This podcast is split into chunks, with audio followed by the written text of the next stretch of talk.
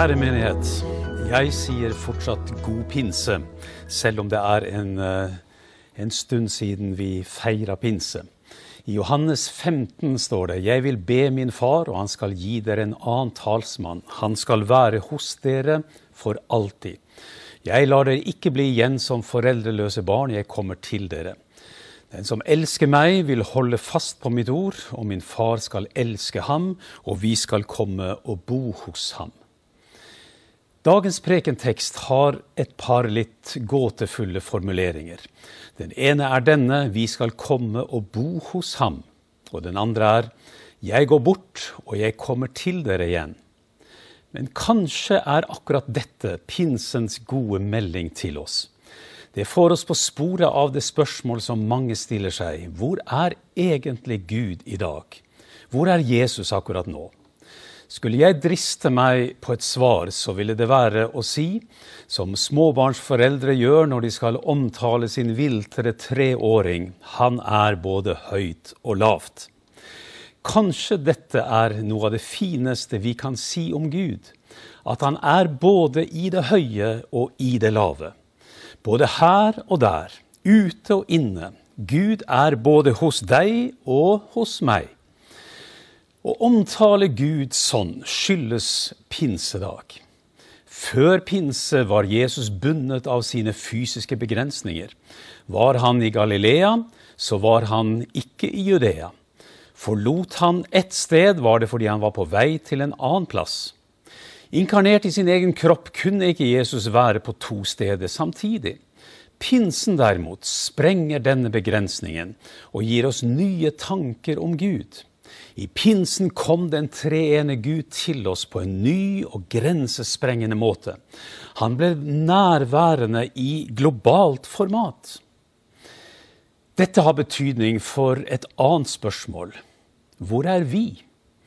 Pinsehøytiden har denne gode meldingen til oss, at uansett hvor vi er, fysisk og mentalt, der er også Gud. Det sier samtidig noe om kristendommen som er særegent, og som vi ikke har noen paralleller til i hele den religiøse verden. De fleste religioner har nemlig sine spesielt hellige steder. Det er klagemuren for jødene, det er floden Ganges for hinduene, eller det er Mekka Medina for muslimene. Den kristne tro har ikke den type hellige minneplasser. Problemet er jo dessuten at når ett sted blir hellig, så blir alle andre steder profane. De første århundrene etter Jesu oppstandelse så visste man ikke engang med sikkerhet hvor graven var. Og man trengte ikke å vite det heller, for var det én ting man var sikker på, så var det at der var han ikke. Derimot sa de kristne, takket være pinsedag, at Gud tilhører hverdagen min, hjemmet mitt og den lokale kirken min, uansett hvor den ligger og hvor skrøpelig den ser ut til å være, er stedet der Gud bor. Hva var det Paulus forkynte til så vel Fiffen som til Bermen i Aten?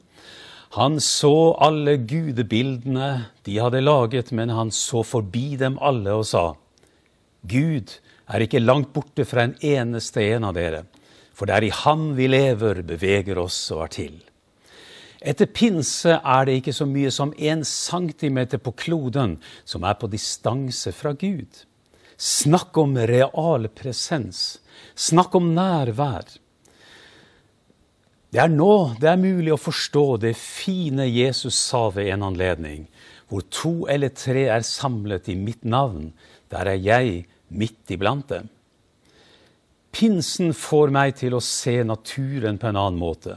Jeg finner Guds livskraft og skjønnhet i hvit veisen som dekker skogbunnen. Det er Ånden som gjør at nå livner det i lunder. Det er også Ånden som gir alle, uten unntak, denne forunderlige fornemmelsen av å være skapt i den evige Guds bilde. Det er dette som er så fint med pinsedag. Den gir oss en klar melding om at Gud ikke har noen eliteavdeling. Ingen A- eller B-utgaver av oss. På pinsedag smadret Gud det religiøse hierarkiet, bygde ned forskjellene og åpnet veien til Gud for alle. Du vet, de fleste religioner har alderdommen som det hellige livsavsnitt. Verdens religioner er ofte de gråskjeggedes hånd og dermed tilsvarende konservativ. Men profeten Joel hadde for lenge siden snakket om at en dag skulle ånden gis til alle mennesker, til sønner og døtre og til de gamle. Pinsen oppfyller denne profetien.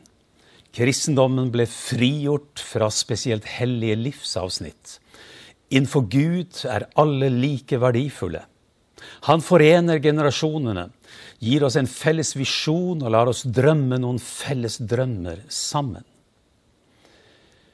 Fordi det kom en pinsedag, er Guds frelsende nærvær kommet til oss før vi kommer til Gud. I brød og vinen, i åndens gaver og frukter, og i kirkens diakonale liv i verden. Pinsen hjelper oss til å se at livet og troen alltid er en gave.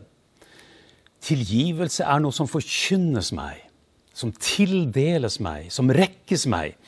Ånden er ikke noe jeg eier, det er den som eier meg. Derfor kan troen ikke være noe jeg presterer. Frelse er noe jeg mottar hver time på døgnet. Evangeliet viser meg nåde i stedet for krav. Kanskje er det derfor Ånden ikke lar seg innpasse i våre mønstre. Den kommer på tusen måter.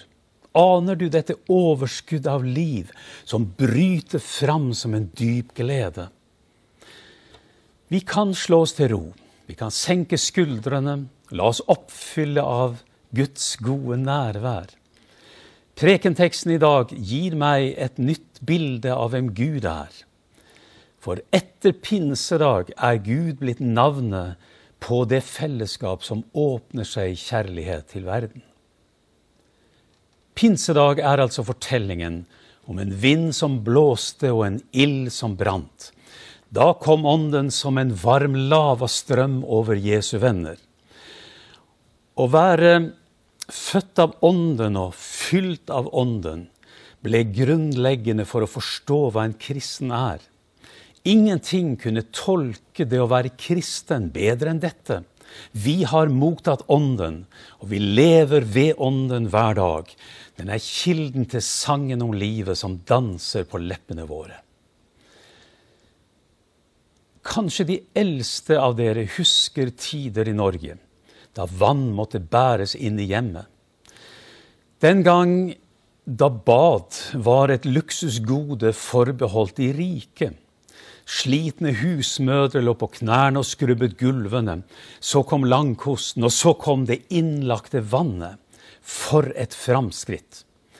Velsignet være det kommunale vannverket, var det mange som tenkte. Trøtte kropper kunne rette ryggen og ta imot det som kom ut av vannrørene, bare ved hjelp av en liten håndbevegelse. Evangeliet til Johannes ga oss ikke bare fortellingen om vannet som ble til vin. Her er vannet også bildet på ånden som gir liv. En dag kommer Jesus til Jerusalem. Han ropte ut sitt budskap så alle skulle høre. Den som tørster, kommer til meg og drikke. Den som tror på meg, av hans liv skal det flyte strømmer av levende vann. Hva betyr dette? Kanskje kan vi kalle det for en profeti om det innlagte vannet. Og hva gjør vi med det? Vel, det mest naturlige er vel at vi åpner kranen og drikker. Er ikke dette et fint bilde på troens vesen? Det representerer det overskudd av liv som har det ved seg at troen spirer som ringer i vannet. Men egentlig er det et mysterium. I Bibelen kan, du, kan, det se ut som at Ånden gjemmer seg og åpenbarer seg om hverandre. Ånden kan komme som en svak anelse, andre ganger som en stormvind som ryster meg. Ånden er som den uventede gjesten, den store overraskelsen, den som skjuler sitt ansikt. Men ånden er likevel så konkret at sveklinger blir helter, Frykten omdannes til et mot som til og med er villig til å tåle martyriet, om så skulle være. Ånden reiste opp kirken for at den skulle kunne klare å si vakre ting om Jesus. Jeg tror at Jesus snakket om det innlagte vannet for at den unge kirken skulle være i stand til å fortsette der Jesus slapp. Det er jo i grunnen hele poenget med pinsen.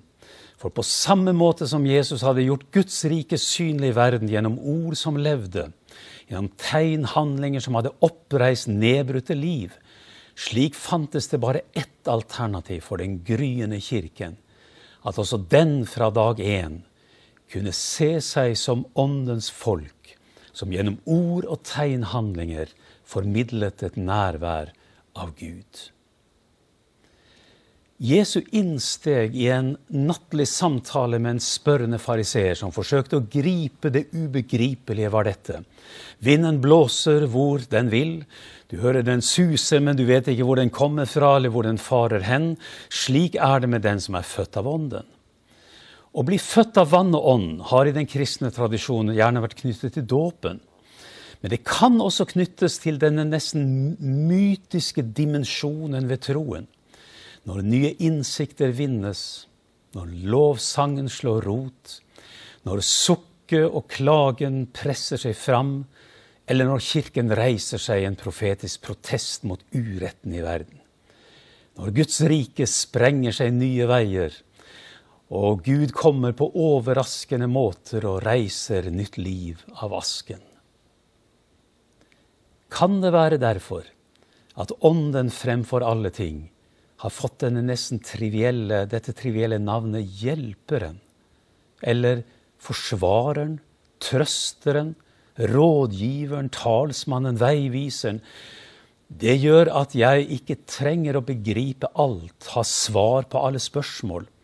Jeg vil heller la meg gripe.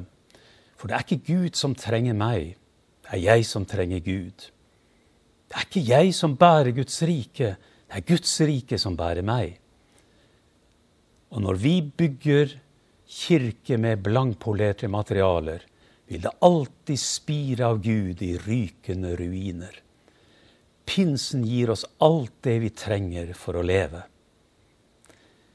Det er vel en god hilsen til oss i dag, sånn omtrent midt i ferien.